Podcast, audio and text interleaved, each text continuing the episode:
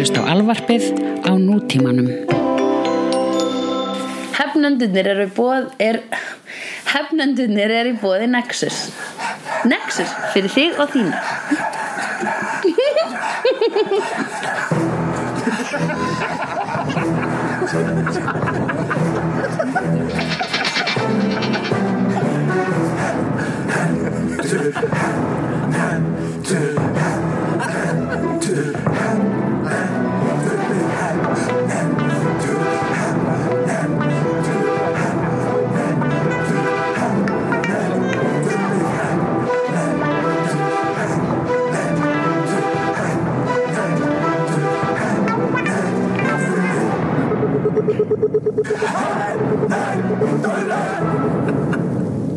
Erst þú með dagskrá tilbúinu huli? Ég er með eitthvað skoðan dagskrá hér, já. Ok, Og Já Ok uh, ég, uh, Má ég heyra Ertu, ertu byrjað að taka þetta upp? Já, ok Má ég heyra ykkur þarna úti? Já já, já, já Og þetta var actually miklu meira hljóð heldur en bjóst við Þetta er eitthvað, þetta eru bara fjórir hérna. Ekki finnst rosalega margir. Þetta er En samt það er líka allir í jöðrunum. Já, ég veit en þetta er pínu sko að stemmar yfir þetta er svolítið eins og David Lynch mynd. Þetta er eins og hérna, yfir, þetta er svona sorglegur bar í Twin Peaks. Það er uh, eru kerti og uh, sko ég, það, mér finnst þess að ég ætti að vera svona sorgmætt kona í bláum kjól að syngja monotónist á spænsku. Á spænsku, já, eins og í Mulholland Drive sem að er einhver Allar að segja Moulin Rouge? Nei, ég ætlaði að segja Mulholland Drive. Já, ok En af hverju er hún, af hverju er hún á listum yfir hryllingsmyndir? Alltaf þegar við tala um bestu hryllingsmyndir eh, 2001. aldarinnar, þá er hún alltaf hérna heimilislausa típan í portinu. Þannig að það er bara að vera eitthvað sko. Það er bara að vera eitthvað eitt skeri í mynd. Það er náttúrulega líka hérna, fólki gamla, gamla fólki í lokin. Það er óslega skeri. En, en, en það er bara að vera eitthvað eitt skeri í mynd Til þess að það verði hryllingsmynd í, í rauninni. Það er einu sem þarf. Já Ég er, ég er ennþá fastur á því að, að hversu fáir eru hérna.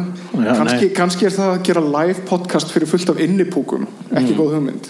Nei, ég hef alltaf vitað þetta um okkar aðdátur sko. þegar að Snorri þegar að Snorri og Bergur halda sitt podcast á alltaf fullur salur? Að það er svona tónlistarhlustundur og tónlistarnördar og þeir náttúrulega fara út. Okkar hlustundur eru innipúkar. Já. og þeir, sko, þeir eru sko alvöru innipúkar ekki svona fó innipúkar eins og fara á innipúkan. Þú ert ekki innipúki ef þú ferð á tónlistarháttiðina innipúkin þá ertu að fara út. Þannig að það er svona, það er pínu fake. Já, allir að klára Stranger Things og Já, það, ég held að ástæðan að sé ekki fleiri hérna er vegna þess að fólk er heima að klára Stranger Things um, Já, en við, við hýtum upp þetta hýtum ykkur uh, fimm upp uh, með því að setja uh, hér á kvítatjaldið hér í, í salnum á Húrra fyrst Halloween special frá Simpsons Treehouse of Horror nr. 3 og síðan uh, thriller myndbandið í fullri lengd með honum Michael Jackson leikstyrt af John Landis sem að Michael Jackson valdi sem leikstjóran sinn fyrir þetta myndband eftir að hafa séð An American Werewolf í London Var þetta fyrir eða eftir Twilight Zone? Uh, eftir Twilight Zone eftir hvað að Landis gerir Twilight Zone já, já, Já, var einn af þremur Veitu hvað gerði, já, já, bíómyndina Twilight Zone, já. nei, jú, eftir hana ég er nokkuð viss um það Var hann ekki búin að vera ykkur frí eftir það? hver, Landis? Já. ég veit það ekki Eða vegna þess að þú veist það dóm gaur á sviðinu hjá honum. Já, það dó ekkur í Twilight Það var svolítið svona, ó, það var svolítið bömmur sko. Já, en þá kemur Michael Þá kemur Michael Jackson. Með tveimur svona vietnamsku krökkum. Þá kemur Michael Jackson. Michael Jackson kemur síðan til og segir ég, ég vil vinna með þér. Og John Lander hugsar hér er maður sem ekki treyst. Hann, þetta er maður sem mun aldrei bregðast mér. Uh, og en Michael, tókst eftir því þegar að Michael Jackson var zombia þá var hann samt eðlilegri í útliti heldur en síðustu 20 ára æfið sinnar. Ég er enda svolítið confused. Var hann að horfa á bíómynd með sjálfum sér?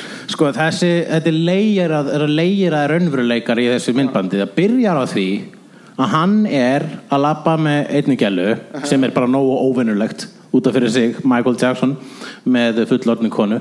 Og svo, og, svo breytist hann í varúlf eftir að hafa játa fyrir henni ég er ekki eins og aðri kallmenn og hún segir ég mig grunaði það. Og og, og, þá, og svo breytist hann í varúlf og allir í bíónu eru bara oh my god, varúlf við höfum aldrei séð svona flott make-up.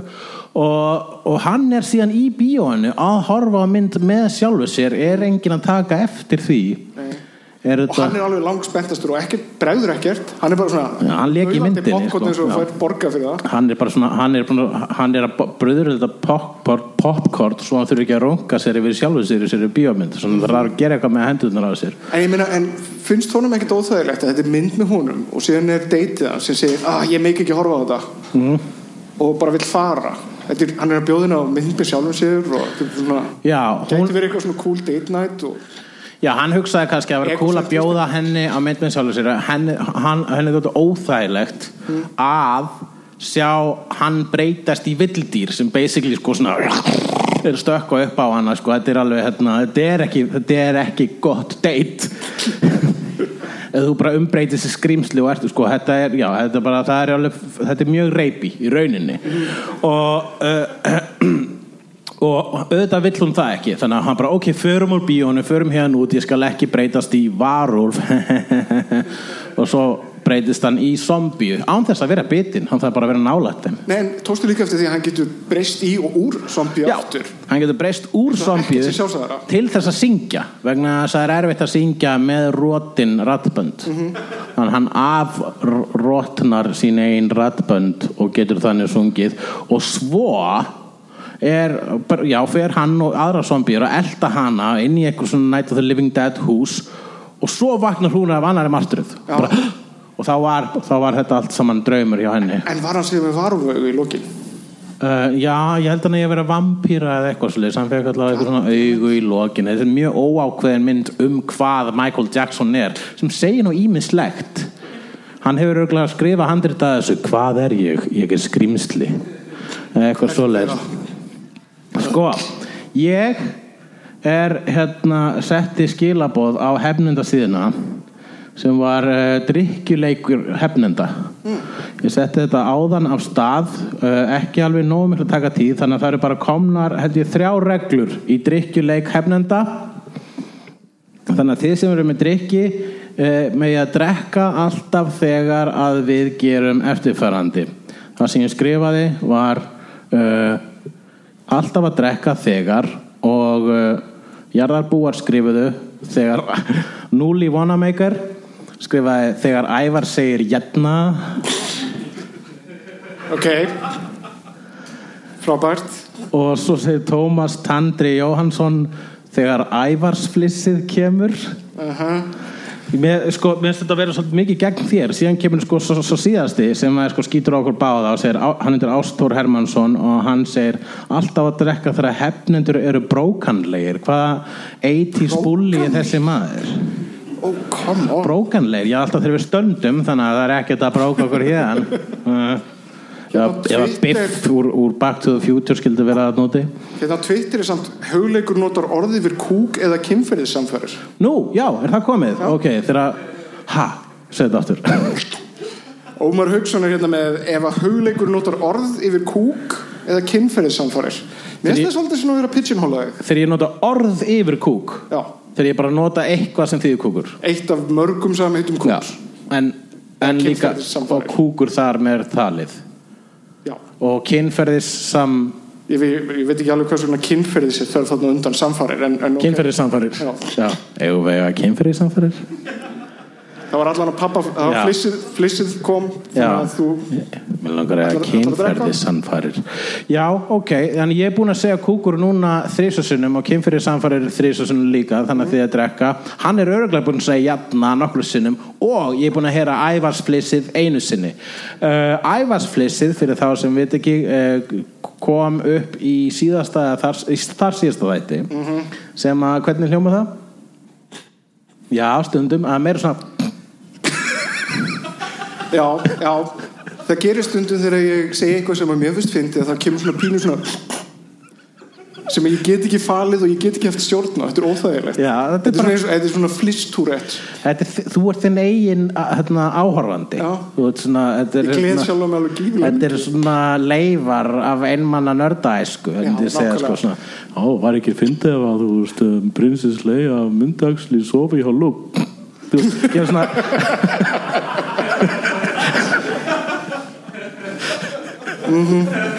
Þannig að en, en þannig að mi, mi, mitt eina gegn mér er að ég er dónalegur.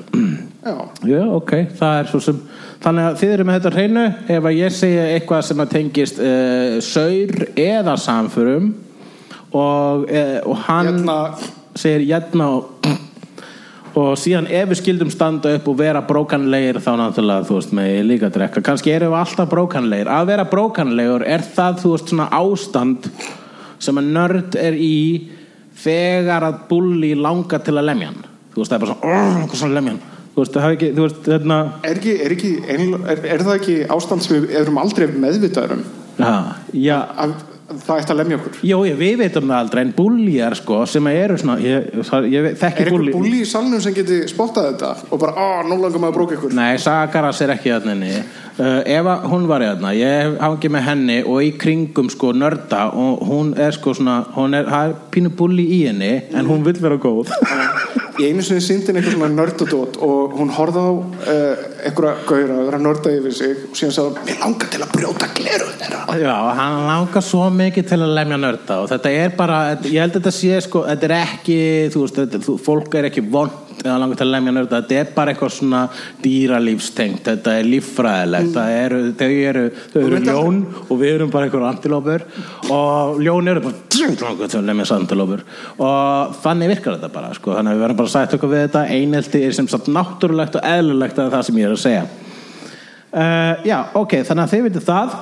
Og þá skulum við fara í að tala um það að í dag er Halloween uh, í áttak uh, Við erum ekki með pappabrandara krukku ennþá en við erum með hipstara krukkuna og við vonumst til að uh, nota hana í kvöld. En mér langar til að spyrja þig kæri Ævar hverju eru þínar topp þrjár hryllingsmyndir? Og þá er ég ekki að tala um hryllingsmyndir sem eru bestu hryllingsmyndir í heimildur topp þrjár hryllingsmyndir í þínu lífi persónulega uppáhalds hryllingsmyndir ok. Uh, fyrsta myndi vera Nightmare on Elm Street Dream Warriors. Já, það er, það er svona það er nómer svona, þrjú. Já ég held það, þrjú Jú, það er þrjú sem er verskreifin, nei verskreifin lengstur, ég manna ekki. Lengstur er verskreifin þrjú. Nei, nei, nei, nei, þetta Nei. var í hérna hann, hvað var það, Renny Hallin? Ha.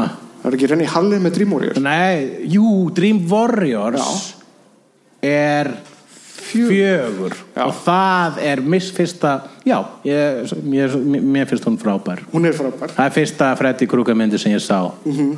það er, Sveflösa nætur, skelving já og fyrstu sem, kynni mín af Freddy Krueger sem að var síðan uppáhald svona vondikallið minn. Það er stelpa sem breytist í kakkalakka Mm. í myndinni og hérna er svo flott að tæknibræðlu sko, hún er líka, hún er sko svona líkanstrækta stelpa, er alltaf pumping iron og hún liggur upp til mann á back er, a, er að taka í back heldur ég að kallast. Og hún, hún, hún er að taka í back er, það? Brók? Taka í back já, nei uh, hún liggur á back og er að, er að lifta lóði er, er, hvað, hvað þýðir það? Hvað tek, þegar fólk segir hvað tekur mikið í back hvað meinar það? Er það að liggja svona á back og, og lifta lóðum? já, rétt, já, það er rétt fyrir mér. Að taka í back er sem sagt ekki að fara heim með uh, uh, kókainfíkli uh, sko, sem sé og hérna, hún liggur á back og svo kemur Freddy og ítur svona lóðinu niður svo mikið að álbóðan er að slitna það fannst mér mjög svona- já og kemur út og svo, svo koma svona kakkalakka fætur út um álbóðan á henni. Hún breytist í kakkalakka og hann setur henni í svona kakkalakka gildru og kremur henni það gæti hugsast að mér séu misminn en það var ekki líka í þessari mynd þess að það er svona skortnar upp æðarnar og síðan notar hann gaurin svo strengjaprúðu til þess að lappa fram hann á hústæki það er í þrjú. Er í þrjú. Sem gerast á geðsugrahæli var ekki Dream Warriors það sem að gerast á geðsjókarhælinu uh, er eitthvað með hérna, imbut á símanum sínum Dream Warriors er nummer þrjú. Já, Wes Craven Chuck Russells. Wes Craven skrifaði hana og, og Heather Langenkamp er líka í þrjú. Þannig að hún er meira framhald af nummer eitt heldur en nummer tvö sem er mjög aðtökulsögur af því leita að hún er með sa falinn samkynneið skilabóð hvað það er eru komin, eru komin hátt á brókaskalan? uh, að, þarna, uh, en fjögur, hvað heitir hún? Dream Child er fimm. Já En Ég fíla þetta audience participation eða, sko. Já, endilega ve- verið með hérna ymt uppi svo það getur leiritt okkur. Hörru, já, hörru, svo sem leiritt er fyrst fær verðlaun. Ég er með diska hérna. Jú, DFD diska fyrir þá sem leiðrætt okkur eða koma með uh, hjálpa okkur að vita hluti. Fimm er hvað? Dream Child Hvað heitir nummer fjögur? Hvað heitir nummer fjögur? Dreamaster Dreamaster, þú vinnur The Rock á DFD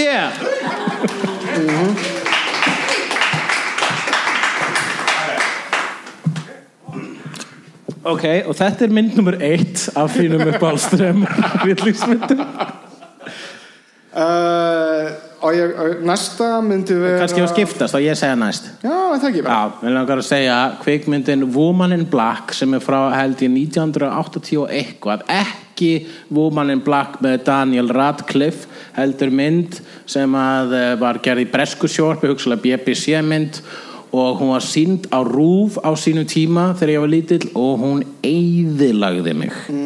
Það gerist ekkert í þessari mynd. Að maður að hanga í húsi í uh, 70 mínútur svo allt í henni kemur svartklætt kona standað út í hotni og bara hennar viðvera að gera það að verkum að ég eh, fór ekki nýri kjallara í mörg ár. Eh, jú, þegar ég fór nýri kjallara þá hljópi alltaf svona hratt upp svona, svona eins og kakalekki og svona var, það voru mjög brattar tröppur á bárugötu heima á mér þannig ég sko var lengi vel með sko svona mar á sköflungnum og hnjánum bara við það að detta niður tröppur og fara þarna upp. Ég var alltaf að hlaupa upp tröppur eins og stelpa í hryllingsmynd.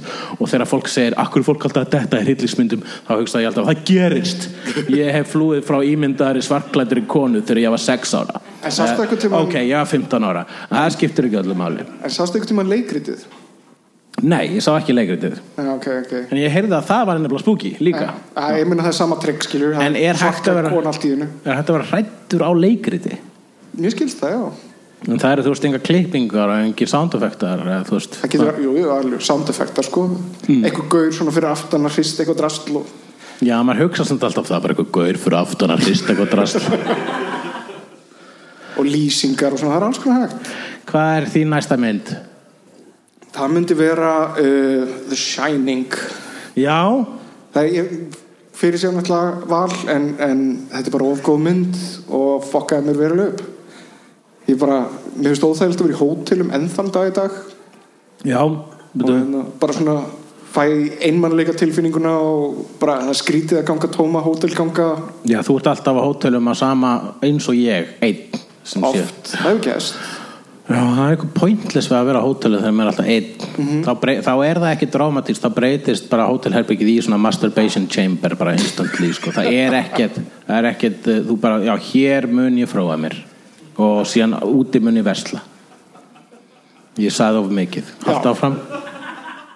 En já, hérna, Shining mm Mhm. breytti svolítið hérna, ásýnd fallvekja eftir það mm. og já, fekk mig grunnatöfum til að lesa Stephen King. Já og, uh, en, og lastu ykkur til mann bókina Shining og sást hversu mikið öðruvísi hún var en Já, bíómyndin mér finnst, mér finnst myndin betri. Já, er, er, er sko, ég ber mikla veringu fyrir Stephen King uh, vegna þess að hann skrifar mikið og er afkast, afkastasamur sem er alltaf næs. En er hann ekki alveg hvað, hversu mikið prósent er hann shit Það er alveg slatt af því sko. Já, eru King lesendur þarna úti? Hversu mikið prósent er hversu mikið prósent er hann við fáið verðlun fyrir að taka þátt? Hversu mikið Uh, ég er búin að lesa, ég er nýbyrja að lesa eitt en þannig að ég kefti bók fyrir tveim árum, Night Shift. Mm, ég sá hana, það er um risustóra leðublöku Nei, nei, nei. Það ég var ég að spoila henni? Það er fullt af litlum svona smásögum. Já, ok. Og þannig að versta sem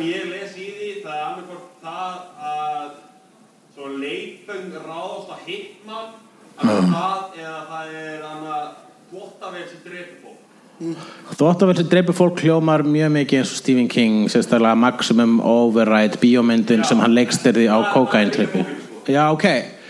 Uh, hérna já, þegar þú sagði leikfeng var að ráðast að Hitman ég var alveg viss um að þú varst að fara að segja Hitler og það hljómar eins og frábæri bók það er svona, það er svona, þetta er svona létt með erfitt, erfitt fyrir það að lesa þetta út af ég held að hann er eins og segir hann með Guccio það er bara út, alveg bara út úr kókaðin Já, mér langar að prófa þetta.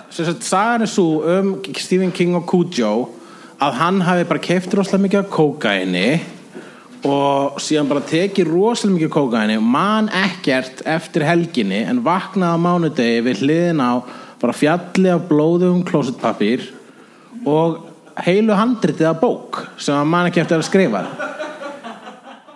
við langar að prófa þetta þú veist, allir, allir, þú veist, þetta er ekki hálft en þú, allar, þú veist, afgreðir eitthvað mjög hratt og það kostar þig bara svona nokkra heilafrömmur og, og Kujo er ekki, það er ekki slæm bíómynd allavega, ég hef ekki lesið bókina. Ok, þá ætla ég að segja uh, The Fly mm. sem er líka eina myndunum sem ég sá þegar ég var lítill. Uh, Goldblum útgáðan ekki, ekki Goldblum útgáðan, já. Uh, uh, uh, uh, The Fly og það, hérna ég sá hana, fór á, með stjúpföðu mín og vítulögum uh, ég var 11 ára og ég uh, var búinn að sjá trailerunum The Fly, ég var búinn að heyra var ógeðslegasta mynd í heimi og ég var búinn að fá NASA þef af nokkrum hryllingsmyndum og, og það var eitthvað sem ég fannst spennandi við þetta mér fannst óþægilegt að horfa hryllingsmyndir en mér langaði alltaf að fara aftur. Var, og, og skoða eitthvað svo leis og þetta virtist vera sko hérna uh, það, þú veist striki sem ég þurfti að fara yfir. Ég man að þetta var svona að kalla á mig. Og ég horfði á hana aðleitt og þetta er gífurlega góri mynd. Líka mjög svona sexual mynd en aðalega ógeðslega góri Hva, Hvað varst þetta gammal? 11 ára. Ok uh, sérstaklega atriði þegar hún fæðir lirfu. Munið því? Fyndi. Og þá uh, það, einmitt, það fór algjörlega með mig. Ég var svona á gólfinu fyrir framann uh, sjóarpið á njánum sko svona alltaf með puttan alveg á stopp en stoppa aldrei sko. Að horfði bara að lét þetta gerast fyrir fram þannig svona misþyrmdi sjálfur með þessu. Var, alltaf, það var svona eins og maður væri sko stopp, eins og ég væri í svona sadomaso kynlífi og stopptækin væri hérna safe wordið mitt þannig ég var alltaf alveg að fara að segja albatross nema ég gerði það ekki. Ég bara, "Uh, nei, ég að halda áfram. Jú, jú, jú." og svo komst ég og, hérna, og fór heim, uh, fór síðan skólandaginn eftir og sagði Jóa vini mínu frá þessu og sagði hann bara, heyrðu, ég sá The Fly hún er ógeðsleg. Svo fór ég með hann heim og horfðum á hana saman. Og uh, síðan þá hefur ég verið ástfangin þeirri mynd og hún er líka mín uppáhalds ástasaga vegna það er svo fallegt atriðið í henni þegar að hún uh, Gina Davis eh, þegar hann er, búinn að bre- hann er sko búin að breyta sér í algjöra klessu sko, hann er ekki bara þessi, þetta flugna skrýmsli heldur hann er búin að blandast við teleporterinn og er bara algjörlega vangefin og hún er svona um, heldur á að hagla byssu og er að fara að skjóta hann í hausinn og hætti síðan við og þá tekur hann svona hagla byssu hlaupið svona og setur það svona upp að hausnum á mér og hann bara svona byggja hana um að drepa sig og hún har samt með að drepa hann þrátt fyrir að hann sé viðstyggilegur sko. Eh, það þótti mér rosalega fallegt atriði og hún lokum skýtur hann en það, í, í smá stund þá var hún að velta fyrir sér nei, ég elska hana mann, ég get ekki drepað hann, getum við átt líf saman svo sá hann orðin og hann sá hann nei, það, það er obvíðslega ekki að fara að gerast og drap hann, hann sprakka og svona splattir fór svona blóð framan í hana en mjög fallegt Já. hver er þín þriðja? Uh, audition Já, ég var næstu búin að segja hana. Já, það er svona mynd sem situr í manni úkslega lengi. Eftir að ég sá hana fyrst þá það er svona, að ég veit ekki ég, ég er búin að sjá hana tvísur allt í allt. Ég þóri ekki að horfa hana aftur. Það er, er eitthvað gífulega óþægilegt úti gegnum alla myndina. Sérstaklega þegar hún sagar á hann löppina með svona, svona vírsög Já, bara með vír. Já, og hérna alltaf þegar ég fyrir til tannlækni svo heyri svona þá, finnst mér eins og ég sé að heyra þetta það er með svo flei það er svo atrið þegar hann fleir hérna það er eins og hann sé að fara að fleia fætunum út úr gluggan og hann svona stoppar á glerunu það er eitthvað svona hverstarslegt við þetta atriði. Já, og þetta er svona kiri, kiri, kiri, kiri, kiri. Já, það, hvað þýðir kiri, kiri, kiri, kiri, kiri? Það var eitthvað sem sagði mér eitthvað tíma Maður ekki. Veit, veit ykkur úr salnu það? Næ, það er nú erfiðar að googla því held ég sko Uh, já, en þá er ég líka með torture porn nummer þrjú á mínu lista og það er franska myndin Martyrs sem að eh, held ég að sé ennþá ógeðslegasta mynd sem ég séð. Ég hef heyrt að þessi komin ný mynd sem toppar hana sem heitir Raw og fjallar um uh, mannátt eða eitthvað svo leis og uh, það er fólk að drepast, það er fólk sem fer á hana og deyr, þetta er svona nýja Passion of the Christ og ég hlakka mikið til að sjá hana en Martyrs er eitt svakalegasta torture porn sem til er nema það er sko torture porn með tilgangi sko. þannig að það er eiginlega meira svona torture erotica og Æ, uh, ekki erotika já, ég meina það er erotica að nota yfir klám sem er einhvern veginn ekki jafn mikið klám og klám. Mm. já, Mér finnst óþarfið að kynna þetta. Þetta er ekki þannig. Þetta er, þetta er, Já, klám þýðir þetta er bara- eitthvað svona transcendent. klám þýðir bara of mikið af ykkur rauninni sko. Er það? já eins og Stranger Things er nörda klám. Þú veist bara það of mikið af nörda dóti. Þú veist þegar þú horfir á Stranger Things bara Goonies, Indiana Jones E.T. Stephen King uh, 80s þú veist það er, það er nörda klám og Martyrs er, er torture porn það er pyntingaklám, það er ógeðslega mikið að góri í því. En síðan sko kemur bóðskapur í lokinu ég vil ekki spoila en þegar þú horfir á lokum það er bara svona ok, það var þessu tilgangur með því að ég gekk í gegnum þetta allt, ég man ég horfði á þessa mynd með fyrirverandi, eða þáverandi kærustu minni og, og, og hérna og þegar stafinu kom upp þá erum við bara svona sitjum við svona í þögn í stofunni heima og segjum ekkert við hvort annað í 20 mínútur. Og, og svo hættum við saman. En hvað uh, þá er komið að?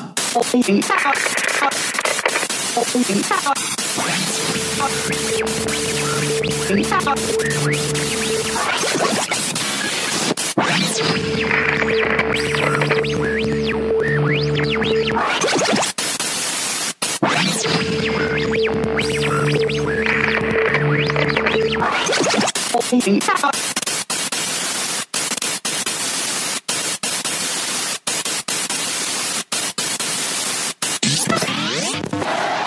stóra spurningin í dag er af hverju eru slasherar aldrei með byssur?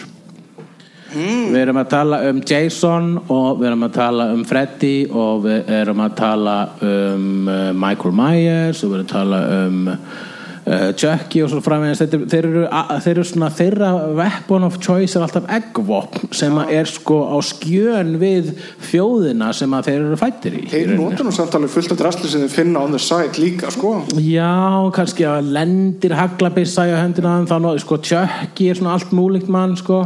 Þeir eru svolítið svona að vinna með það að horfi í augun og fórnarlambina meðan þeir ég myrða veit það. Og það er það sem gerir raunin sko slassir hana þess að skáldu, skálduðu morðingja að betri morðingjum heldur en helstu morðingjunum í dag sem eru sko upp á svölum að slátra a- a- þú veist með miðar á svo sem Man að finnst líka raðmóringjar sem að nota byssu ekki alveg jafn cool og raðmóringjar sem að já, mér finnst ekki cool að skjóta með byss nákvæmlega Ég finnst mjög cool Maður gæti ekki að fara það en, já, það er einmitt máli sko.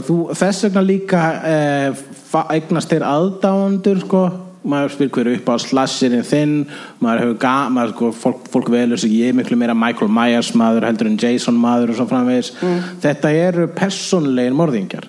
Það er hérna atrið í Halloween þegar að í fyrstu Halloween þegar Michael Myers stingur hérna gaurinn með glerugun eh, og bara svona pinnar hann um vegg með nýpnum og síðan svona skoðar hann svona hallar haustum og skoðar líkið já, svona lítur döður maður út. Ah, ég ætla að gera meira af þessu. Og, og það er eitthvað það er eitthvað sko svona í, í hryllingsmynda innan hryllingsmynda rammans og í, í, þessu, í þessu blóðu að samingi þá er eitthvað svona fallegt við það og persónulegt við það að drepa. En af, er það ástæðan að þeir nota ekki byssur? Ég meina það eru byssumorðingjar í öllum öðrum myndum en þeir eru oftast hetjur. Já. Ég meina Rambo til dæmis raðmóringi já, já, hann er, hann er sko já, Rambo, Commando allir byssugörarnir, þeir eru hetjur sinnar myndar. En slassergörarnir, þeir eru vondukallar sinnar myndar. Hefur þeir eru samt svona personulegri morðingjar, þeir næstu því svona faðma þig meðan þeir drepa þig sko. Og meðan bara ramboðu bara, ég þekki ekki neitt. Ég hefur reyndar að pæla í einu. Hefur einhvern tíma spilað leikinn Uncharted? Uh, Leikja seríun Uncharted? Ég hef spyrjað byr, byrjunum á nummer þrjú. Öll serían gengur út af það að vera svona Indiana Jones eitthvað já, en þú þarft að myrða alveg rosalega mikið af fólki til þess að leysa þessar gátur og parkúra eitthvað upp á, upp á fjöllum sko. já, og hann er ekkert mikið að drepa nasista eins og Nei, það er bara Suður Afríku gauðra eitthvað já, svona- já, svona- það er ekki nasistar. Nei, nasistar er eina fólkið sem er lægi að drepa. Það er enda pínu svona nasista zombjur næstu því á einu en það er samt, já, það er eitthvað svona rat people Ég veit að, ég, hérna, með, þú veist, nasista zombíur finnst mér verið redundant. Ég er mjög gaman að mynda með svo döð, döðsnöð mm. uh, ég var næstu búin að segja þetta með dönskum hreim en það eru norskar, þannig að döðsnöð og uh, þá eru þeir sko að drepa zombíur sem er líka nasistar og þeir eru sko Indiana Jones að drepa nasista bara haha, dreftu þessu nasista en ef þú ert að drepa zombíur sem eru líka nasistar þá er eitthvað svona uh, nullaði hvort annað út. Fattar hvað ég meina? Æ, æ, Nei. Jú, vegna þess að sko Akkur tvöfaldar þetta ekki fyrir þig Já, jú, æ, þú veist ó, vegna þess að ef ég var að drepa þegar ég er að drepa zombíur, þegar ég er að drepa zombíur þegar ég horfa á zombíumyndir og sé fólk vera að drepa zombíur það, þá eh, verði ég svolítið svona öfundsjúkur út í þetta fólk að búa þessum heimi sem getur skotið niður allt þetta fólk sko Halda áfram. Sem sé, þú veist uh, við, við ekkert okkar þólir fólk. Við hefum það öll samiðilegt sko, svona, við erum nörður svona fucking fólk. Alltaf fyrir þegar ég er að fara út í krambúð og eitthvað svona. Uh, en þegar það er dögt þá er bara svona, hérna er skotleif nú getið drepað þetta fólk að það er hvort það er dögt og það er það sem er sko svona the guilty pleasure við Ég áhyggjur. Hey, þetta er bara, þetta er bara, þetta er, þetta er, svona, þetta er bara sálfræðilegt, þetta er ástæðan fólk fíla hryllingsmyndir. Það, er- eitt að vilja við viljum sjá fólk og það er annað að hugsa að við þurfum að drepa þetta allt saman. Nei, ég hugsa það ekki, en þegar að zombiumyndina koma og það eru alltaf þetta fólk í kringlunni og þú ert að skjóta það ég vissi ekki að þetta er svona, þú veist bara, ah, missi ekki langaði svona mikið til að skjóta niður fólki í kringlunni. Við höfum örgulega, við höfum örgulega velt þessar spurningu samt áður fyrir okkur Hva, Hvað heldur þú myndir endast lengi í zombie apocalypse?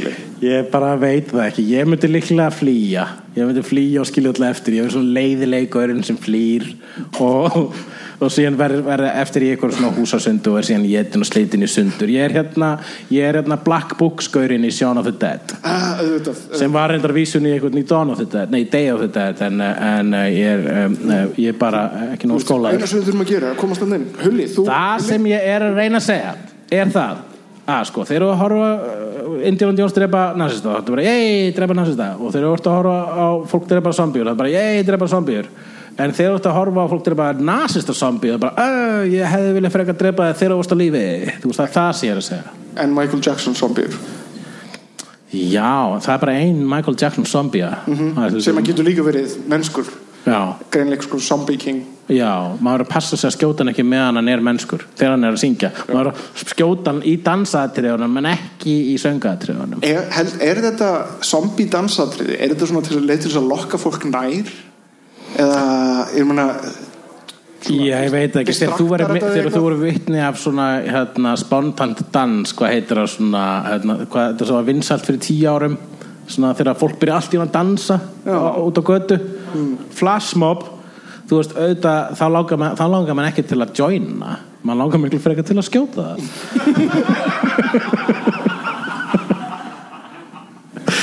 En þá er komið að Hvað er að gerast? Uh, hvað er að gerast er það að það var vélmenni að fá, fá, fá hérna, borgararétt í Sáti Arabíu þannig að þetta er byrjað. Uh, við vissum ekki að þetta myndi byrja svona. Það er svona það veist, við gerum all, allir reiknaði með þetta myndi vera eitthvað svona Cyberdyne ég er nefnilega búin að vera að velta þessu fyrir mig þetta er eiginlega samt kvenkins vélminni gæti hugsast þetta kvenkins Hvað- sem er meiri borgarlega réttindi heldur en konur í sátti ar Jú, það, það hefur verið snert á því í fjölmiðlum að þetta kvenkins vélminni hefur einmitt meiri réttindi heldur en konur í Sáti Arabíu. Það eru uh, uh, en hvað, hvaða réttindir eru þetta? Eh, má sem sagt þetta vel fyrst sko ok, við skulum fyrst að- eftir ræða hvað hvað gerir vélminni að kvenkinsvélminni en uh, má sem sagt þetta vélminni kjósa? Eða, eða hvernig virkar Sáti Arabíu kýs fólk þar? Eða bara kongur er bara kongur, ok þannig að, að enginn er með réttindi hvort þið er tæknilega nema þeir sem að eiga hlutabrif eða hvað? Hvernig, virk, hvernig virkaði útlönd? Já, ok en hvað gerir þá hvað gerir þá vélminni að kvenkins er þetta með kynfæri? Nei, en það er svona kvenlegt ásýndar er, já, ég meina, Svona þú veist þetta er 2001. öldina að ég var skammast þín hei, hei, ég ekki til reglunar þetta er enga reglur lengur. Þetta geti verið hán. Sko uh, ég á- velmennið hvað það er það, það, það er nefnilega samkvæmt Google þá er þetta AI þannig að þetta er Artificial Intelligence. Upp að, hvers, upp, að- upp, að, upp að hvað marki? Hversu mikið er það eins og við? Ég veit það ekki, þetta er, er fréttaskotið þitt. Flett, ég veit, já ég var að þú, þú lest Ég meira en sagði ég. að ég veist ekki neitt um þetta. Jæja, jarðabúar, er eitthvað með eitthvað meira upplýsingar um þetta vélmenni í útlöndum? Ok, hérna Ok, þá fyrir við ennþá skemmt Þú, þú, hérna, viltu í alveg tala um Corey Feldman? Ég veit ekki hvort að við viljum tala um Corey Feldman. Nei. Ég er samt, að ég veit það ekki. Nei, það er, ekki, það er ekki svona sviðs. Menn þegar búin að tala óslega mikið um Michael Jackson. Þetta Já, já. En samt kilur Sko ok, hann, hann, oh, Come on. Hann er Æ, kom, erum við alveg að fara ánga? Þetta er svo dark, þetta er alveg þess virði að tala um En þetta er ekki alveg sviðs uh, tal, sko. Er það? Já, mér finnst það. Ok, þá fáðu þetta ekkert að vita um Corey Feldman. Held tölum að áfram um þetta bara gerum getgátur um vélmenni í Sáti Arabíu. Ok, þannig ég ætla að sko, ég meina uh, það virðist ekki eins og verið bara að klára vélmennið hún er ennþá bara svona með hérna, hérna bert höfuðið sko og að sést svona í vélina. Ég held að þessu er búin að sjá einmitt Blade Runner og átt að segja því hvað ef við látum vélmennin ekki lít út og fólk þá er auðvöldar að finna þau aftur. Mm. en heldur að hún muni heldur að þetta sé jafnvel ekki gott jafnvel að vélmennið muni einhvern veginn infiltrera þetta sjúka samfélag sem að Sáti Arabia er og eitthvað, jafnvel gera það betra væri það ekki eitthvað pældi því. Það fyrir því hvernig það er prógramirað Er þetta prógramirað af einhverjum sátum er, að- er að prógramera til að elska? eða er þetta, er þetta prógramirað af Japan? Þetta er nefnilega kínvest vélmenni Ok, Já, frábært. Þannig að þú veist, já ok, þannig að þeir eru að fara, það er að kenna kapitaliskasta ríki í heimi kommunisma, mm. það er það sem er að gerast. Það getur fyrir áhugavert. Ok, að skrifa bíómynda handrit um það. Og þá er komið að Best og vest. uh, hvað er besti og versti Halloween búningar sem þú hefur klæðist mm, Á ég byrja besta eða á ég byrja vesta? byrjaðu á besta Ok uh, Eitt árið ákveðum ég og Bjarni vinur minn að klæða okkur eins og Tubbs og Edward úr League of Gentlemen já, og það er í grunnatriðum svona lítil kettling með svona svinslegt tríni já, já, já. og maðurinn hennar sem er, Þetta sem var- er líka bróðurinn Well, have no trouble here. Já, The precious things of the store. Já, já, já, og hvort varst þú? Ég var Tubbs. Þú varstu konan? Já, Já. Það, var, það var frekar auðvelt að finna búningi fyrir það, það sem My var mesta insides veseni- are all wrong. Að mesta vesinni var það að það þurfti að líma nefið svona upp í, í, í sem sagt tríni með svona plástri Já, uh, við, hérna, við fórum þannig að varst í heilt kvöld með uppbrett nef. Við fórum, segja, við fórum í tvö Halloween partí og við unum verðlunni í báðum þannig að það er bara Mér frábært finnst mjög gott þannig að talar um ykkur sko, sem Karl og konu þegar það voru actually Karl og Karl. Já, þau tail og no tail sko. Já, já, já, já. uh, og þau áttu nú svon já. en hérna uh, en allavega já, Bjarni Greið hann, hann, hann fórnaði sér mest samt hann glemd að taka draslið af og fekk blöður á nefið. Já. það var frekar óþægilegt. En þegar þú varst búin að vera svona í allt kvöld þegar þú tókst límbað það, var nefið fast uppi á einhverju leiti? Nei, nei, nei, það niður. fram. Já, þannig að þetta er ekki hættulegt að Gott vera svona í heilt kvöld.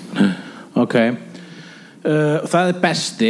Besti minn myndi ég segja uh, sko, ég hef verið Hellboy eitthvað tímann. Fyrir 20 árum var ég Hellboy á grímuballi og málaði með alveg rauðan og rakaði hárið mitt þannig ég var með svona samuræja hárgreislu Varstu bera ofan? nei, ég var ekki með það öryggi með, með það líkamsöryggi sem ég er með núna. Þú veist, varstu í jakka? ég var bara basically bara Hellboy um hausinn. Já Varstu ekki með nefan saman? ha? Varstu ekki með er Nei, ég, ég var ekki þetta, var- þetta, það var, það var, nördadót var á skortum skamti það tók mér nógu langa tíma að tálka þessu horn út. Uh, it was a different time. En uh, ég, það er samt ekki besta. Besta er, annars skipti sem að ég hérna, rakaði uh, hausinn var þegar ég ákvað að vera hérna, á grímbali í LHI þá var ég Hunter S. Thompson Góð. og þá, það var ekki erfitt að finna búning fyrir hann ég bara hermdi alveg eftir uh, Johnny Depp úr myndinni og uh, hérna, rakaði svona skalla á mig og var með svona hatt eins og hann var með nei, ég var með der Já. eins og hann var með Grænt der. grænt der og var síðan tók af, tók af mig gleru og kefti mér axlu gul sólgleru Með styrkleika? Nei, nefnilega með ekki um styrkleika Þannig að ég var blindur allar tíman sem að einhvern veginn bara gerði búningina betri vegna þess að ég var í raunin sama ástandi svipuð ástandi og hann er í alla myndana ég sá ekkert hvað var að gerast ég var með sígarettu í svona munnstykki og var svona og alltaf að reyna að uh, kvóta Thompson að einhver leiti, ég var alveg póser þess að ég aldrei lesið Hunterins Thompson bara séð bíómyndunar en það, það, það á við um flest í hvað bókmyndir og mig varðar. Ég hef alltaf bara séð bíómynduna en uh, ég var mjög ánægð með það. En þáverandi kærasta mín var ekki ánægð með það vegna þess að hún kynnti mig fyrir vinkonum sínum það kvöld og ég var líka búin að drekka absintu og þannig að ég var í rauninni bara eins og Hunter S. Thompson á eteri þegar ég sá ekkert um einhverja eðlur og var og var síðan búin að týna hattinum. Þannig að þú veist ég var með skallan og, hún var að kynna vinkonum sem fyrir nýja kærastunum sínum sem var búin blind fullur auðli með skalla sem að sko er eðlilega í dag í rauninni sko, heldur en þá. En hvað er þá versti búningur þinn? Uh, ég fór sem sem sagt Bunsen og Beaker og prúðuleikurunum. Sem sagt Bunsen uh, Bunsen er, er- hérna, er þessi sem sagt með Er græna kúlulega hausinn Já, það er vísindamaðurinn. Já. og Bíker hinn er, er aðstofamaður hans. Nákvæmlega. Mhm. með svona rauða hárið. Já, hann reyta mér um uppáhalds. Já ég veit það en það er alveg það, þú, þú getur ekki replikera þetta lúk með Hann mennskum líkamum mjög þetta leit sympatískur mjög illa út og, og Otto sem var hafði, hafði þögt við settum fyrst svona skalla drasl á hausinu á honum og síðan möguðu á hann einhverju grænu dóti svona, svona einhverju, einhverju facepaint dæmi sem hann lag út um allt. Þannig að hafa með svona grænt út á herðar. Hann leit út eins og svona, svona malformt hölk eitthvað. Þetta var já eitthvað ok. hræðilegt. Og eins og hulk var að bráðuna Já. En hvernig virka, varst þú ekki með svona túpuhaus eins og, eins og byggar? nei, nei, nei, nei, ég litaði bara háraði mér aukt Mhm. og síðan var mér svona, svona trúðanef. Og varst bara að segja síðan skri, svona línur hérna og enginn fattaði hvað það varst. Nei, Nei. ég þurfti að útskýra það mjög oft. Minn versti búningur var uh, þegar ég var uh, stuðningsfulltrúi áverk strengs í uh, hérna, það er ekki búningurinn en ég var uh, að uh, vinna sagt í svona uh, félags, það, félagsheimili svona það sem krakka fara eftir skólan og ég var stuðningsfulltrúi áverk strengs og uh, það hefur ekkert með sögun að gera en ég, það var öskudagur og, uh, og þannig að allir átt að vera í búning og, og, og, starfsfólki líka. Og ég var að síðustu stundu og ákvað að vera með hann íróníska ófremlega búning sem að feimið fólk er alltaf með uh, sem er til dæmis að vera kannski bara með hérna, nafnspjald sem stendur á þú veist Guð eða eitthvað sko. Ég var nefnilega Guð en ekki með nafnspjald Var þetta, var þetta á Buffy það hef, ég var ekki að herra með eftir Oz. Ég var að gefa þér hrós. Hann ævar var sem sagt á núna á þessu Halloweeni þá var hann varulfurinn Oz úr Buffy the Vampire Slayer í Halloween þættunum á Buffy the Vampire Slayer þegar varulfurinn Oz klætti sig sem guð og var með guð nafnspjald þarna og þú varst líka með uh, uh, varúlfa augu og tennur og varst í hljómsveita bólnum hans Oz. Mm -hmm. hljómsveitinni Dingo's Hate My Baby. Mér þótt þetta var mjög vel gert. Gefa hann æfari gott klapp. Takk fyrir það En ég var bara með kóronu sem bjóð til sem að stóð á Guð. Og á uh, sko í þessu frístundu heimili á miðvikudögum þá máttu allir krakkarnir velja þú veist það má- þau gátu alltaf valið hvað þau gerðu. Á miðvikudögum var einn af valmöguleikunum að fara í kirkjuna og hlusta biblíusum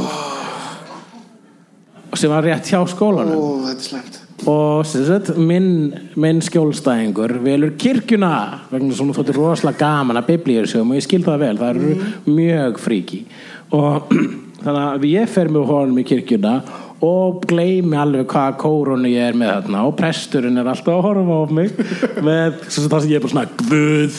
Þess að setja þarna og hlusta á biblíursjóum ég er guð og, Já, og, með ég fatta ekki fyrir sér.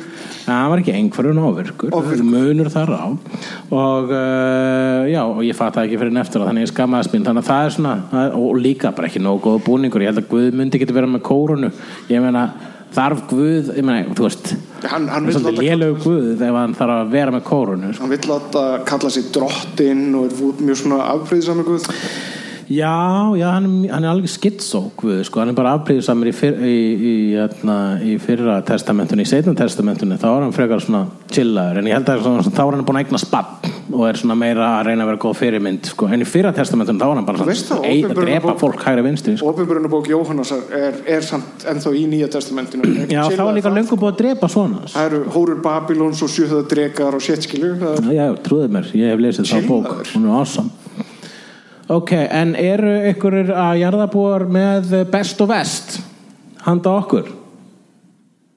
Ef komum best og vest fáið gjöf ég, ég sé hönd uppi þarna uh, held ég, ég sé samt ekki alveg Það-.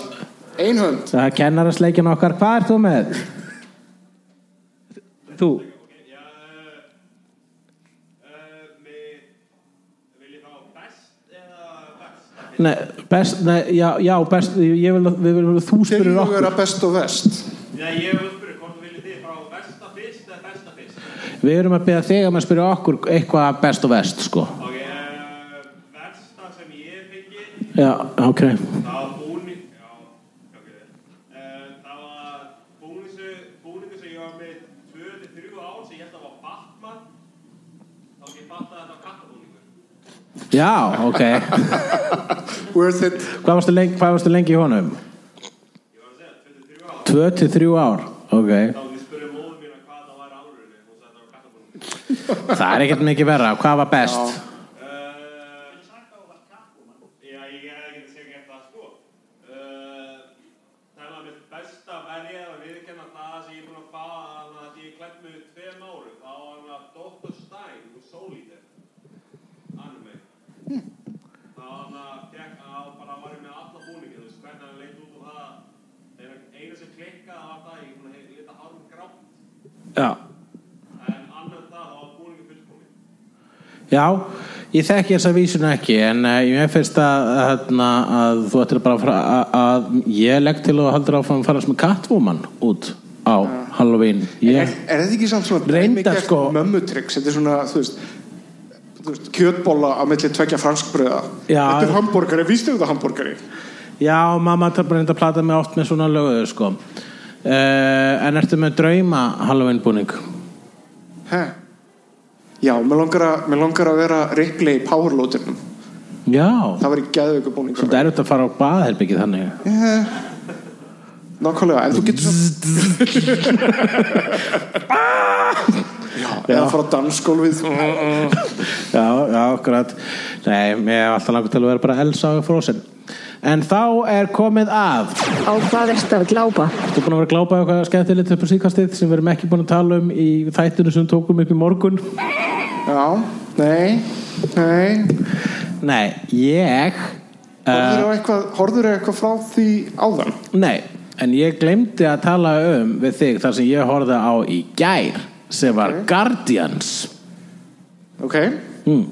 ekki Of the Galaxy heldur kvikmyndin Guardians sem heitir held ég á rúsnesku eitthvað annað er það þarna jólasveinamyndin? nei, Nei, þarna, þarna, hvað er þetta?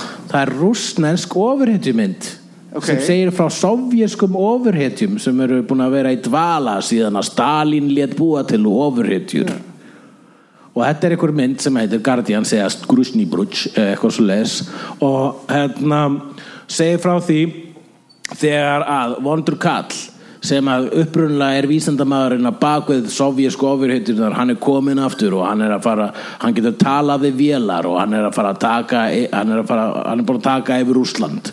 Og rúsneska Shield sem heitir uh, Patriot samkvæmt textanum en heitir eitthvað Sprusnits Bubutski uh, og, það- og þau fara að bara, þetta er allt útskýrt á svona fyrstu tíu mínútur að, að, að það er búið að gera rústneskur ofurreitur og nú skulum við finna þær. Já, svo kemur eitthvað svona, svona uh, rústnesk útgáfa af henni hérna How I Met Your Mother gælu í Avengers hjá rúsnesk útgáfa af henni. Og, eld, og leitar uppi ofurheitjuna sem er búin að vera sko, í dvala og ekki búin að eldast neitt síðan í kaldastriðinu ok, vegna þess að það fylgir líka ofurkröftum þeirra að- ekki geta e- elst og það, þetta er algjörlega by the numbers. Þetta er svona eins og grín af ofurutjumyndum án punchlinesins og á rústnesku þetta er alveg hugely enjoyable. Þetta, hún er rosalega röð myndin. Hún er undir uh, 90 mínútur vegna þess að þeir ákveða að skrifa inn enga persónusköpun og enga persónuþróun eða neitt heldur voru bara svona ofurhetja og núna þessi ofurhetja og þessi ofurhetja og þessi er kona. Og, hérna, og það byrjar á því sko að, að, að e, rúsneska útgáfan af How I Met Your Mother gælurinn í Avengers hún fer og finnur sko fyrstu svona aðlofurhetjuna sem er svona eins og Magneto nefnum með grjót ok. Hann, ekki, hann getur hreift grjót en ekki málum, hann er rocknito og, og hún kemur til þess bara svona okkur vant að við þurfum að hjálpa þinna að halda. Og hann svona ég hef ekki, ég hef búin þessum verkefni, ég hef aðgerið þetta aldrei aftur. Já en Kalisnis groff groff er komin aftur. Ég vissi það. Og svo snýra sig við. Það, það er alltaf svona eina setningu til að sannfara alla. Og svo er næsti gaur gaur sem getur hreift sér rætt og er með óslega flotta nýfa og næsti gaur er síðan einhver gaur sem er býri í kofa og er búin að vera fjarr í mankinni og lengi og hann getur breytt sér í björn. Hann er svona hulkin þeirra nema hann breytt sér í björn og hann má ekki vera of reyður þá breytist hann alveg í björn. Sko þegar hann er svona mátulega reyður þá breytist hann í björn en bara fyrir ofan mitti. Ok, en síðan þegar hann verður svona virkilega svona stressaður og mikil hætta fyrir gang þá verður hann alveg björn og er bara svona actual svona bara björn sem er ekkit droslega, það er ekkit sérstaklega magnificent skeppnur er svona, þetta er rosalega svona krútulegar ég veit að þetta er hættulegur en tigristýr ég, ég googlaði hvort myndi vinna tigristýr eða bjardýr og bjardýr myndi actually vinna. En en þau eru bara svona einhvern blúlúlú bánsar og það er alltaf skrítin atrið þegar hann á að vera þannig. Og svona lúlúlú en hérna en bara svona húmorist en, en slæra hann hausana á fólki og svo leiðis en, eh, sko, en þegar hann breytist alveg í björn þá ripna buksutnar á hannum og svo alltaf þegar hann breytist aftur í venjulegan gaur þá vaksa buksutnar aftur á hann. Það er aldrei almennilega útskýrt. Og svo eh, er ein gella í hópnum og hún er náttúrulega með powerið invisibility vegna þess að hún er kona og má ekki vera með eitthvað svona threatening, threatening superpower heldur hún bara svona, að gerum bara eins og í hérna, Fantastic Four. Látum hana geta bara orðið ósýnilega af og til. Þetta er stór skemmtileg mynd en hún er alveg gífulega slæm á sama tíma. The Guardians. Hann að já, að já, hérna vondikallinn já. Hann lítur út, hann, hann er svona, eins og smábarn í framann allan tíman beautiful mynd beautiful mynd hún heitir Guardians á ensku og ég veit ekki hvernig það borið fram á rúsnesku rúsneska marvelmyndin já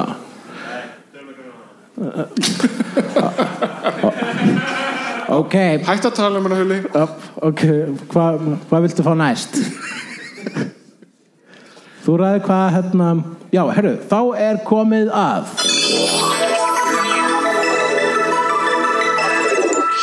Uh, og í auðlýsingum í dag ætlaðum ég að auðlýsa það að það er leikrit eftir mig uh, í Garðabæ sem að úlingar er að flytja. Úlingar í uh, mentaskólanum MR og eru með sagt uh, leikfélagið Frúardagur sem er svona alternative leikfélag við leikfélagið Herranót sem að er í uh, MR ég fór á generalpröfu um daginn með þessu leikriti þetta er alveg storkoslegt, ekki bara svona ógislega vel skrifað, heldur gera krakkarnir þessu rosalega góð skil.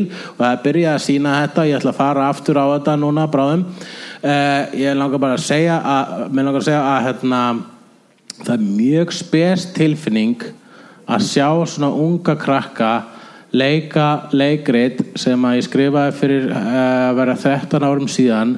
Leikrit sem að inni heldur uh, mjög mikið að kynlífi mjög mikið að eiturlífja nótkun dýranýð uh, djöfladýrkun uh, miltisbrand uh, einelti uh, var ég búin að segja dýra nýð það var ekki dýra nýð vegna þess að ekki vera að nýðast á dýrum vegna þess að það er bara, bara að vera að sofa hjá dýrum eða að vera að giftast górilu í verkinu, spoiler uh, og uh, já, og svo er atrið þarna sem er tippi er skorið af jólasveininum. Það er atrið þarna sem jólasveinin fremur sjálfsmart, ég er búin að segja of mikið en málega er það að ég er samt ekki að spilla sögurfræðinum vegna þess að ég veit ekki hvað röð þetta gerist.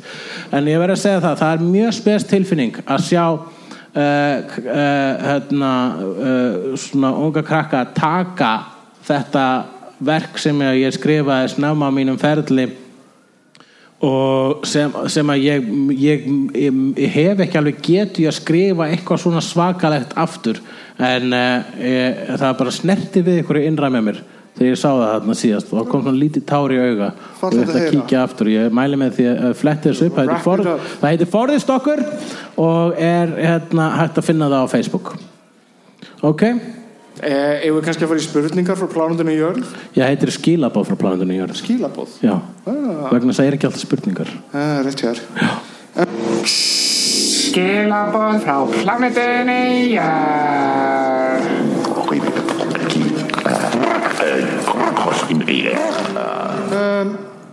Eh, Ég er með nokkar spurningar hérna sem að koma á hefnenda síðuna um, Fyrsta er hvers vegna halda hefnendurnir svona mikið upp á Koreana 2? Þetta þótti mér skrítin spurning. Ég skil ekki þessa spurningu sjálfur erum við að- mikið búin að hafa þá í hávegum? Nei, nei, en það er skemmtilegt að þú skiltur minnast come Koreana on, nei. Sko, uh, ég hvort, hvort finnst þið betri, hvort ég heim eða ég feldmann? Ah, Ég er feldmann maður. Ég er líka feldmann Það er aðlóta Burbs og Goonies og bara öllu sem hann var í, í á þeim tíma, það er stórkoslegt hann er frábær leikari, það var það allavega Corey Haim uh, úr sem sagt Lost Boys sem að Feldman var líka í og uh, My Driver's License það er eina tvent sem ég man eftir honum í í rauninni sko. License to Drive já, License to Drive fyrir ekki þau Já, uh, hétt hann ekki My Driver's License nei hérna, já, en af hverju höldum við svona mikið upp á þá? Vegna þess að þeir voru hluti af æsku okkar. Æsku hetjur Já.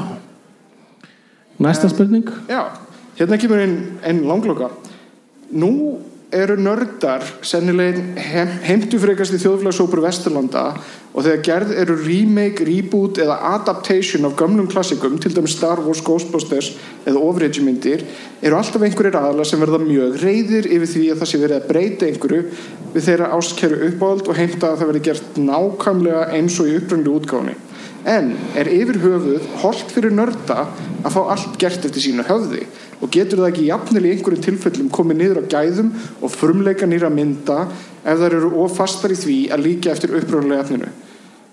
Þetta er mjög lög spurning. Ná, þú ert með- aðteklisprest. Hvað hva, hva, hva hættur þú? Hvað- hvað setningu, setningu svona tvö og hálft. Okay. En, nei, ekki, Er, ert er þú- holdt að nördar fá að ráða?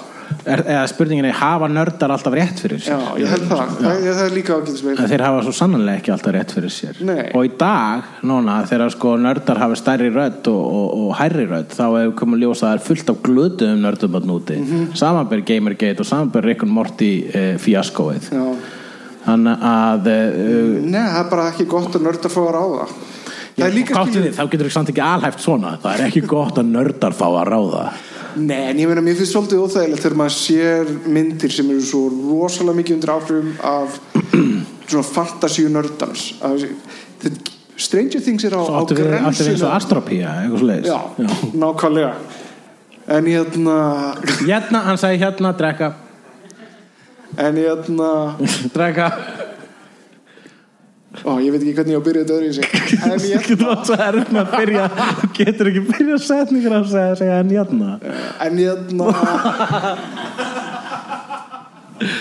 Hversu mikið er þetta invo- involuntary hjá þér? Þetta er rosalega umfólk Þú getur ekki, kla- þú getur ekki byrja setningu á þess að en hérna og end, þú getur ekki enda setningu á þess að segja Ok, prófa. Ég, ég, Núna reyn- reynda að spurja mér spurninga. -hmm. Og reynda mér að hafa hana sniðu kondi inn einhverjum svona góðum pappa þarna inn sko. Uh, og ekki gera flissið eftir á og ekki byrja á enn játna Ok. Uh, Fuck maður bara eitthvað sambandi við þetta sko, þessa spurningu. Já. Ég ætla að segja að Já, Stranger Things já, er óþægilega mikið á grensunni með að vera nördaklám já. út yfir yfir yfir þólanlega mark það er alveg það er er aðeins svo mikið af því. Já, ok, þannig að þú ert að segja að Stranger Things er gert fyrir eh, bara út frá okkur svona basically óeinlegri skoðanakönnun um hvað nördar vilja. Já, kannski meira bara svona fantasíunni þeirra. Þetta, er, þetta hljómar Stranger Things hljómar svona eins og þeir hafi verið að horfa á allt þetta stöf og þeim langaði til að gera svona stöf sem, að, sem að þeir hrifust að sem krakkar. Já. og þá í staðan fyrir það að, að kannski gera eitthvað nýtt þá er þau svolítið bara svona að grípa áhrifavalda hérðan og þaðan og svona krukka úr því eitthvað, eitthvað svona sem að er, jú, tiltölulega nýtt. En aðeins mikil kópering og köflum Við skulum við skulum að hafa, hafa það allavega að reyna. Og okkur finnst Stranger Things ókíslega skemmtilegt. Já. en á sama tíma finnum við eitthvað þörf fyrir því að láta alla vita að við föttum að það er bara að vera að runga okkur. Já, nákvæmlega. Ég veit alveg hvað það er að gera. Það er sko eins og Netflix kom og svona, hey, eins og Netflix skransaði við hliðin á mér í hvítum svona sendirferðabíl og svona, hey, fílaru 80s ha? fílaru svona gamla Stephen King sögur ha? Ha? fílaru Goonies ha? Ha? fílaru E.T. Ha? Ha? Ha? fílaru BMX hjól og svona þoku og ljós og fílaru Close Encounters of the Third Kind ha? Ha? Of Doom ha?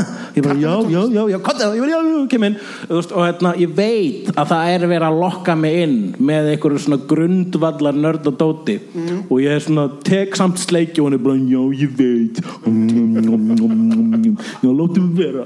Og það, þú veist, þannig að maður svona, maður svona sem sko, svona uh, nörd sem hefur þóst vita betur í allan að tíma að falla fyrir svona ógísla mikil svona grundvallar gildru þá finnum maður þörfum til að láta vita. Ég veit að ég hef búin að sjá þetta alveg áður. Ég veit alveg að þetta er vísun í miljón hluti frá 80s Ég, ég fekk óþæginda tilfinninguna samt harkalegast þegar ég sá fyrstu teasermyndina úr Stranger Things 2 og þau voru í Ghostbusters skalanum Já, og ég bara, bara "Ah, þetta kom í hring, sko." God damn it. Já, Ég er samt spenntur að sjá hvort þau eru með gremlis en jú, en þú veist, ég myndi segja í sambandi við að hlusta á nörda uh, og hvort mann er hlusta nörda eða ekki Þú ert að fara mjög hættulega slóðir hérna hvort við Við, við erum nördar að tala um það hvað okkur Já, ég er bara að hlusta á okkur. Ég meina fyrsta leið nördar, hvað er það? Þetta er orðað frekar óeiginlegt fyrirbæri. Því oftar sem, oftar sem fólk segist identifæja sem nördar því minna þing verður það. Vegna að smátt sem áttur við að komast að því að allir eru nördar að einhverju leiti og, við, og, og það að við skulum einhvern veginn eigna okkur skilning á Stranger Things frekar en aðrir, það er bara gífulega hipsterlegt sko, ég ætla að leggja eina hérna í krukkuna bara fyrir það. En það sem ég er að segja að Uh, að, það er, að, að það er samt ákveði mengi sem að uh, bransin hlustar á þegar kemur að kvikmyndagerð og sjóarstáttagerð og öðru. Og Eins, bara aðeins öðru sig stundum er hlustað of mikið eða hlustaði vittlösa átti eða stundum er bara ekki ástæð til þess að hlusta.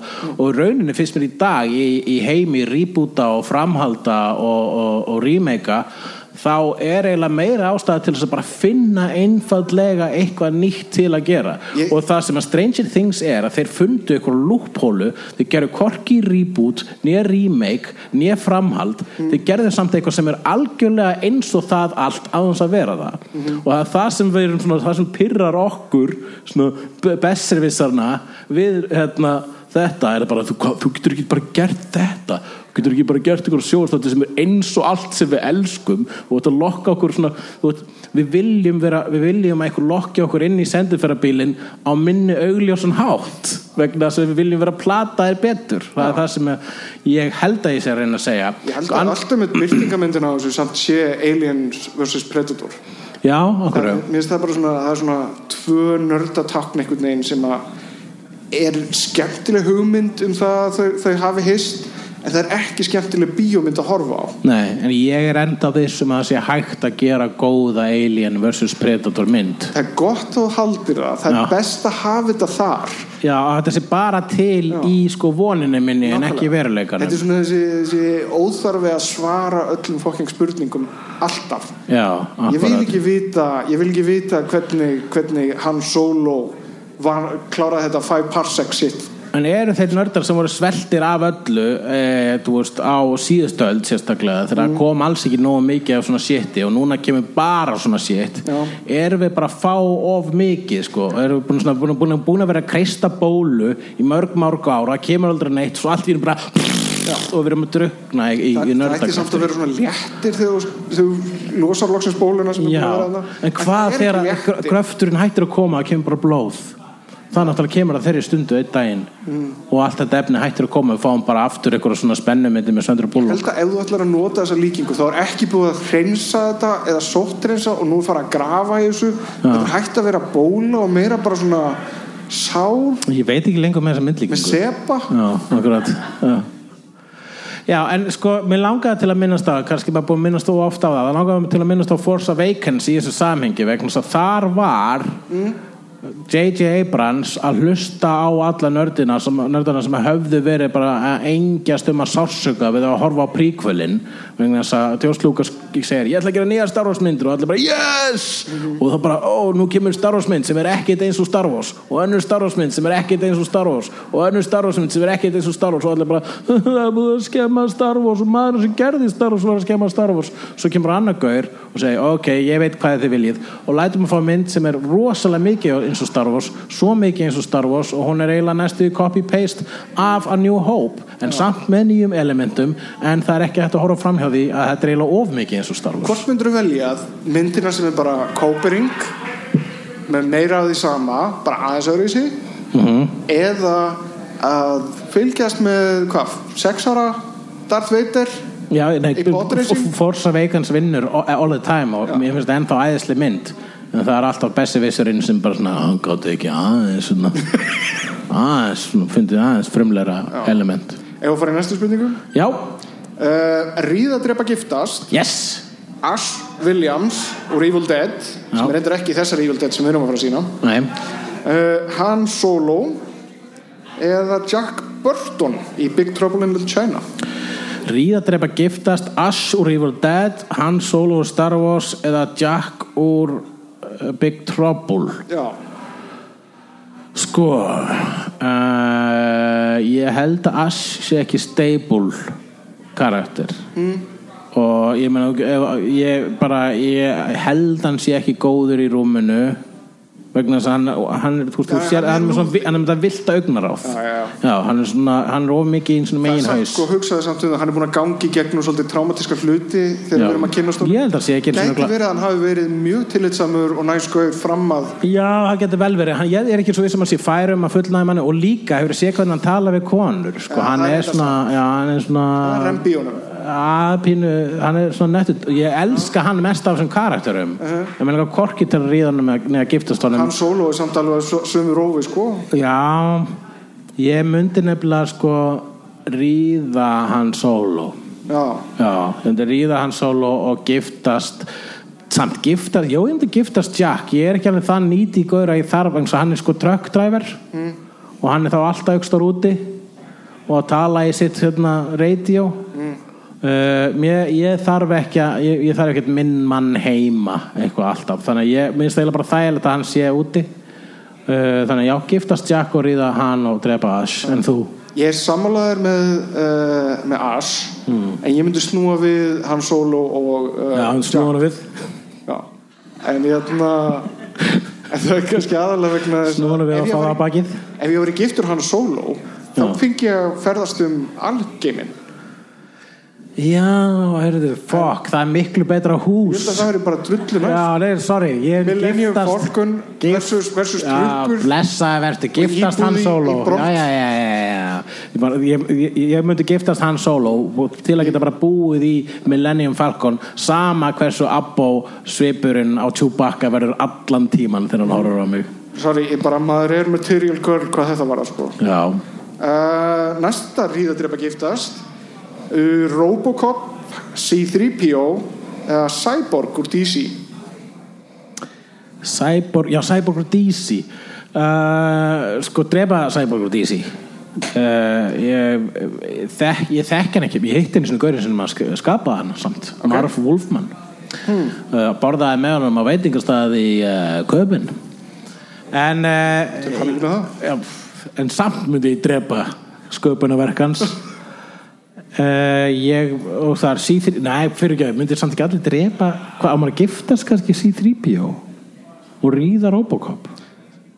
Það er enginn þeirra með tippi bæði við Nei. En reyndar er en Robocop með hann- með hann hann C3PO Spike. sko, sko, bæði hljómar mjög óþægilega en, en Cyborg og Robocop eru með munn. Já, en C3PO er ekki með svona tott friendly munn. Nei Nei, hann er bara með svona að þetta er mjög platóns með hún C-3PO C3PO getur valla þú veist, hann getur valla rétt fram höndina. Þyrst að setja á sig eitthvað svona latex hanska eða eitthvað, ég veit það ekki. Já, já, nei, en obviously þá er hann verstur í rúminu. Þannig að, en líka ég held að hann sé kynlaus ég held að þeir eru náttúrulega allir kynlausir sko. Uh, giftast ég meina C3PO er hann er, hans function er hann er þýðingarvélmenni. Já, þannig að það er gott í hjónabandi. En aftur þú getur ferðast um heiminum meðan hann er í svona þýðingaverkefnum og Tatooine. Hann er aldrei í þýðingaverkum hann er alltaf bara svona með að kvarta og Hann reikna er út líkurnar. allstaðar alltaf. Já. Hvað myndir þú gera? Uh, Ég held að ég myndi drepa Robocop. Af hverju? Robocop? þess að ég held að, ég held að Alex Murphy sé ekki lengur hérna það það er eitthvað svona leifar Jú, Murphy er þarna myndin enda, en, Robocop endar að því að eitthvað segir what's your name son? og hann segir Murphy. Já, mér finnst það samt, ég trú hann ekki. Ja, Mér finnst þetta bara svona, sérstaklega þegar við förum í Robocop 2 og þú veist, þetta er sér eitthvað creepy Hann- það þegar er- hann kemur heim og tekur á sig hjálminn, ég get ekki hort fram hann í þetta. Já, en ég menna þetta er obvíðislega ekki að verða eitthvað svona kynferðislegt samband þannig að það er bara svona platónst platónst hjónaband Já, en þá, þú þarft samt að ríða ykkur um og ég myndi gifta C-3PO. Ég myndi ríða Cyborg. Já, herru, ég segja það saman bara. Ég myndi samt, nei, ég myndi drepa C-3P og giftast Robocop og ríða Cyborg. Ok, næsta um, Síðasta spurningin hérna á listanum er uh, episodic sjónvarp versus serialized sjónvarp. Já, ég Hvað þýðir, hvað þýðir, hvað er episodic Episodic þýðir það að það eru standalone þættir í seríunni. Já, já, eins og X-Files þæ- þættirnir þar sem að það er skrýmsli vikunar já. Eða Buffy þar sem það er skrýmsli vikunar Aha, aha, og serialized sjónvarp væri bara svona lengri saga sögði við marga þætti eins og til að mynda, ég veit ekki, Breaking Bad. Já. Ég uh, Hvað finnst þér? ég held að bæði hafi kost. Já, en, en ég finnst stundum gaman að horfa mér finnst stundum gaman að horfa á serialized En ef að þú ert á einhver undarlegur svona satískur vondikall setur þig á eigu já, og segir ha ha ha ha ha þú mátt bara hérna í frá ég, ég skildi eftir á þessu heiði með mjög gott heimabíó. En þú mátt bara horfa episodic sjóansefni eða serialized sjóansefni ha ha ha ha, veldur nú. Ok, þá myndi ég velja episodic vegna þess að það er fleiri sögur. Já, það er já. bara, þá getur þú bara svona já, fyllt af tankin meira. Ef þú horfir og segja eina stóra maskífa sögu Já. það, það getur bara að horta á hana x mörgu sinnum aftur og pælt í einhverjum núin sem maður myndi þátta en ég veit það ekki. Ég, það er miklu skemmtilega að sjá góða þætti sem eru stakir. Ég hef alltaf verið meiri skrimsli, skrimsli vikunar í samtöðu Buffy. Ég er samanlega því, ég er, miklu, ég er mjög mikið samanlega því uh, vegna þess að ég vil líka bara geta fengið einhver skona niðurstöðu, ekki þurfa að fara í bólið alltaf að hugsa bara hvað verður um þau? En ef að það er sko búið að drepa eitt skrimsli þá get ég sofið ég held að- rólega sko Ég held nefnilega að X-Files sé alveg gott dæmið það þar sem að episodic virkar Mm. en stóra rammasagan með geimverurnar og allt það ekki, ekki haf gott. Já, true, true, hvað er uppáhalds Monster of the Week í X-Files? mm, það er Tooms, alltaf Tooms Gaurin sem fyrir gennum klósetti og nöðgar fólki. Ógíslega creepy. Já, ok. Ekki nöðgar, hann bara dreipur það. Hann drepur Étur það? Hann getur það? Já. Ok. Já. Einhvern veginn betra Uh, þá held ég að sé að komið að við erum að nálgast lokin hjá okkur í kvöld eru búin að skemmta ykkur vel? Já, það uh, hérna við ætlum að sína uh, heila bíómynd núna í hefnenda bíói Nákvæmlega. af hverju erum við að sína þessa mynd af öllum myndum? Já, þetta, er, þetta er svona datemynd hjá okkur Já. við fórum einu sinni saman á biodate og sáum hana Já, fór, og er, veist, það, það eru, eru örfá skipti sem ég man eftir því að hafa tekið í höndin á öðrum einstaklingi í bíósal og það er e, þegar ég sá trailerinn fyrir Phantom Menace í fyrst skipti og vissi ekki hversu slæmt það er því og síðan þessi mynd. Já, ok, þannig að þú tókst í höndina á mér meðan við horfum á Evil Dead. Það var alltaf það, það blóðið. Já. þið, veitir hvað við erum að tala um þegar að, það kemur að því? Já, akkurát þetta var bara svo það, glóðis það er blóð í myndinni. Slattaði. Já, en, já akkurát þetta var bara svona in the moment bara svona yes Við viljum líka meina þetta sé með betri endurgerðum Þetta er nefnilega, sko, þessi mynd Evil Dead er endurgerð á kvikmyndinu The Evil Dead eftir Sam Raimi sem að leikstýri þeirri mynd fyrir langa, langa, langa síðan með þessum fyrirnemda karakter Ash Williams, mm. Williams. Ash uh, og nefna þeir endurgerðu myndina án aðalpersonunar Já. Máli var það að þegar þeir gerðu upprunlu bíómyndina The Evil Dead það átti það aldrei að vera svona fyndin mynd. Það, nema að hann Bruce Campbell leikarinn sem leikur alhlutverkið í original Evil Dead trilogíunni hann er bara svo drullu fyndin að myndirnar urðu að nokkur skonar hryllings gamanmyndum og það er kannski líka satismin hjá Sam Raimi sem leikstjóra hún finnst gaman að meiða Bruce Campbell já, og þess vegna gerði hann bara allt sem hann sá úr Three Stooges við hann. Já, já hann, hann er einmitt svona Three Stooges hryllings uh, hann er með skemmtileg við, uh, skemmtilega svipi þegar að, að vera að slátur honum. En, en þeir saman framleiða þessa endurgerð Evil Dead sem að hefur fengið rosalega góða dóma en líka slæma dóma frá fólki sem segir þessi mynd er ekkert fyndin. Orginalmyndin var fyndin nema ástæðan að þeir framleiðu þessa mynd án húmors er það að þeir vildu sjá hvernig Evil Dead myndi líta út ef hún væri ekki fyndin. Og það sem að Evil Dead verður án húmors er basically fucked up. Og það er það sem við erum fara að sína ykkur hér í kvöld. Kærar þakkir fyrir komuna og uh, njótiði í kvöld og, og happy Halloween. Skál Ógnar fjör má alltaf sjá. Í Reykjavík á landinu um loftin blá. Líka á sænum hættur og